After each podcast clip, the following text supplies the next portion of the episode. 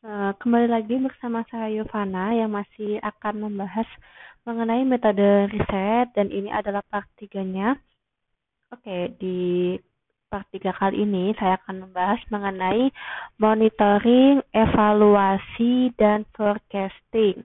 Nah, Eviden yang dihasilkan dari riset kebijakan dapat dimanfaatkan untuk seluruh aspek dalam proses kebijakan, di antaranya untuk melakukan monitoring, evaluasi, dan forecasting kebijakan.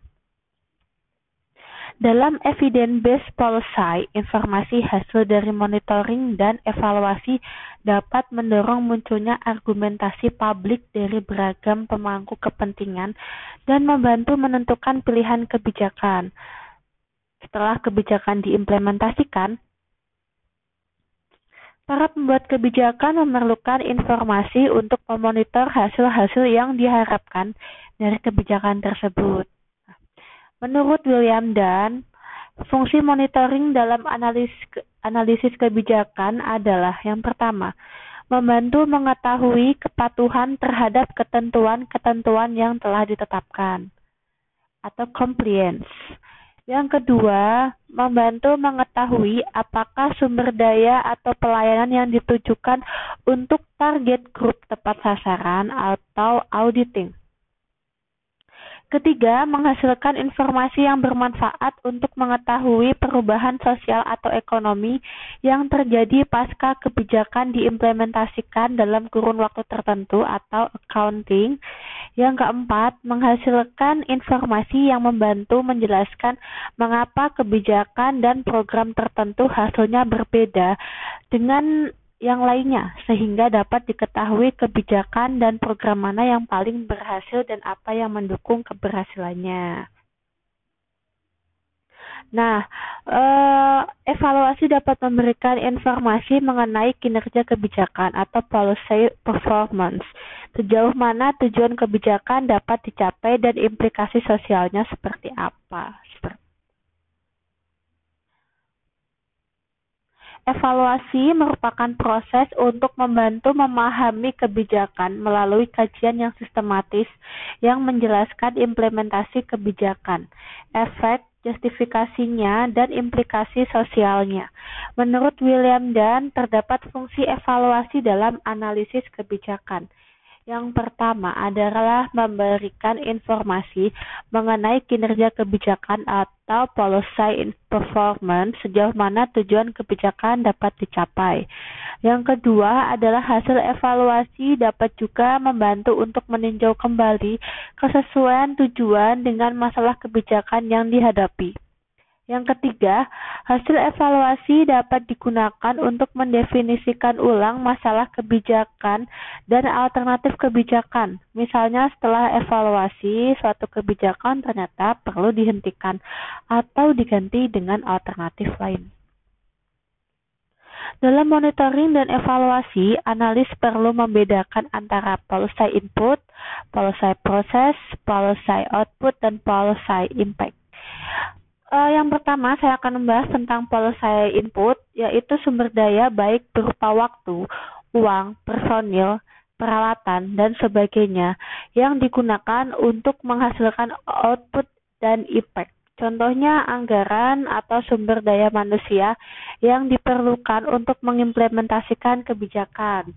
Yang kedua, policy process, yaitu kegiatan administratif, organisasional, dan politik maupun pendekatan untuk input kebijakan menjadi output kebijakan dan efeknya.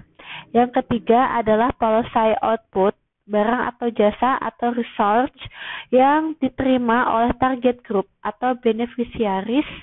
Uh, target group adalah individu, komunitas, organisasi atau kelompok tertentu yang menjadi target kebijakan. Sedangkan beneficiaries adalah penerima manfaat dari efek kebijakan tersebut. Yang keempat adalah policy impacts, perubahan aktual yang dihasilkan output kebijakan. Nah, uh, ada berbagai kriteria untuk mengevaluasi kebijakan. Yang pertama itu bersifat prospektif atau ex post dan untuk menganalisis kebijakan yang berorientasi prospektif, menilai rekomendasi kebijakan atau ex ante. Nah, ini ada tabel mengenai kriteria evaluasi. Yang pertama, kriteria evaluasi efektivitas atau effectiveness. Pertanyaannya, apakah hasil yang diharapkan dapat dicapai? Yang kedua adalah efisiensi. E, pertanyaannya, seberapa besar usaha yang diperlukan untuk mencapai hasil yang diharapkan? Yang ketiga adalah kecukupan atau adequacy Sejauh mana hasil yang dicapai dapat menyelesaikan masalah. Yang keempat, ada keadilan atau equity. Pertanyaannya, apakah biaya dan manfaat, cost and benefits, terdistribusi secara adil di masing-masing kelompok? Yang kelima, ada responsiveness Apakah policy outcome memenuhi kebutuhan atau preferensi kelompok tertentu? Yang ketujuh,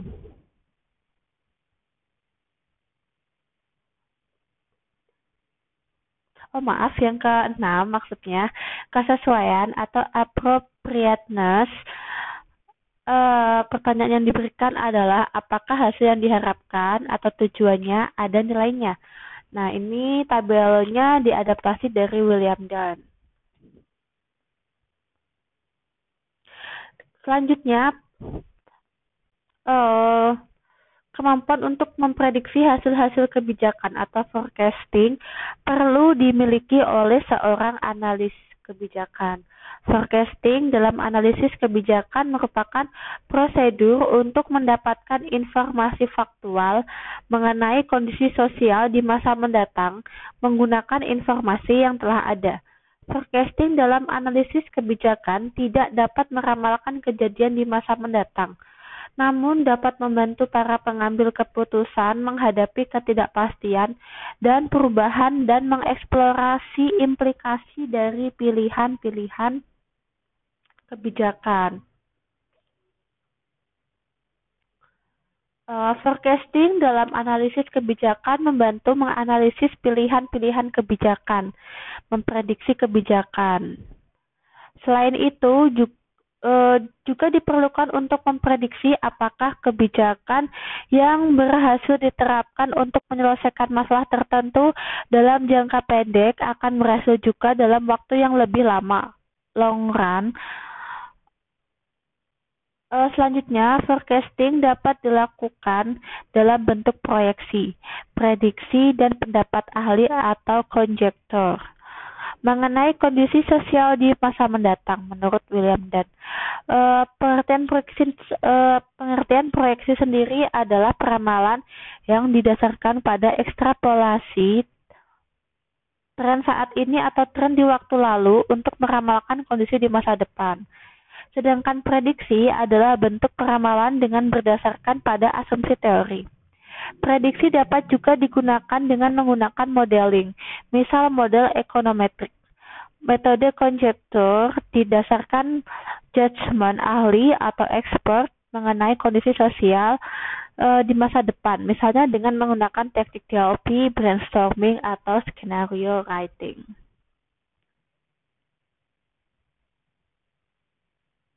Metode untuk forecasting e, Misalnya dapat dilakukan dengan metode analisis regresi atau time series. Contohnya, hasil riset mengenai faktor-faktor yang mempengaruhi kemacetan pada musim-musim lebaran atau trennya dapat dilakukan untuk memprediksi kemungkinan-kemungkinan dan kebijakan yang perlu dilakukan untuk mengantisipasi kemacetan pada musim lebaran di tahun-tahun berikutnya. Dalam evidence-based policy, menggunakan evidence akan bermanfaat dalam membuat prediksi untuk menganalisis konsekuensi dari kebijakan yang ada. Konsekuensi dari kebijakan baru, perubahan isi konten kebijakan, maupun sikap stakeholder kebijakan terhadap kebijakan yang diusulkan.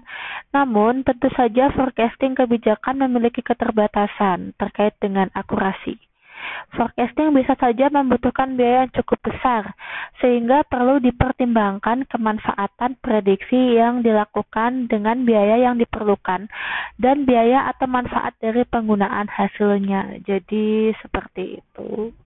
Uh, terima kasih atas perhatiannya. Sampai jumpa di part selanjutnya. Bye bye.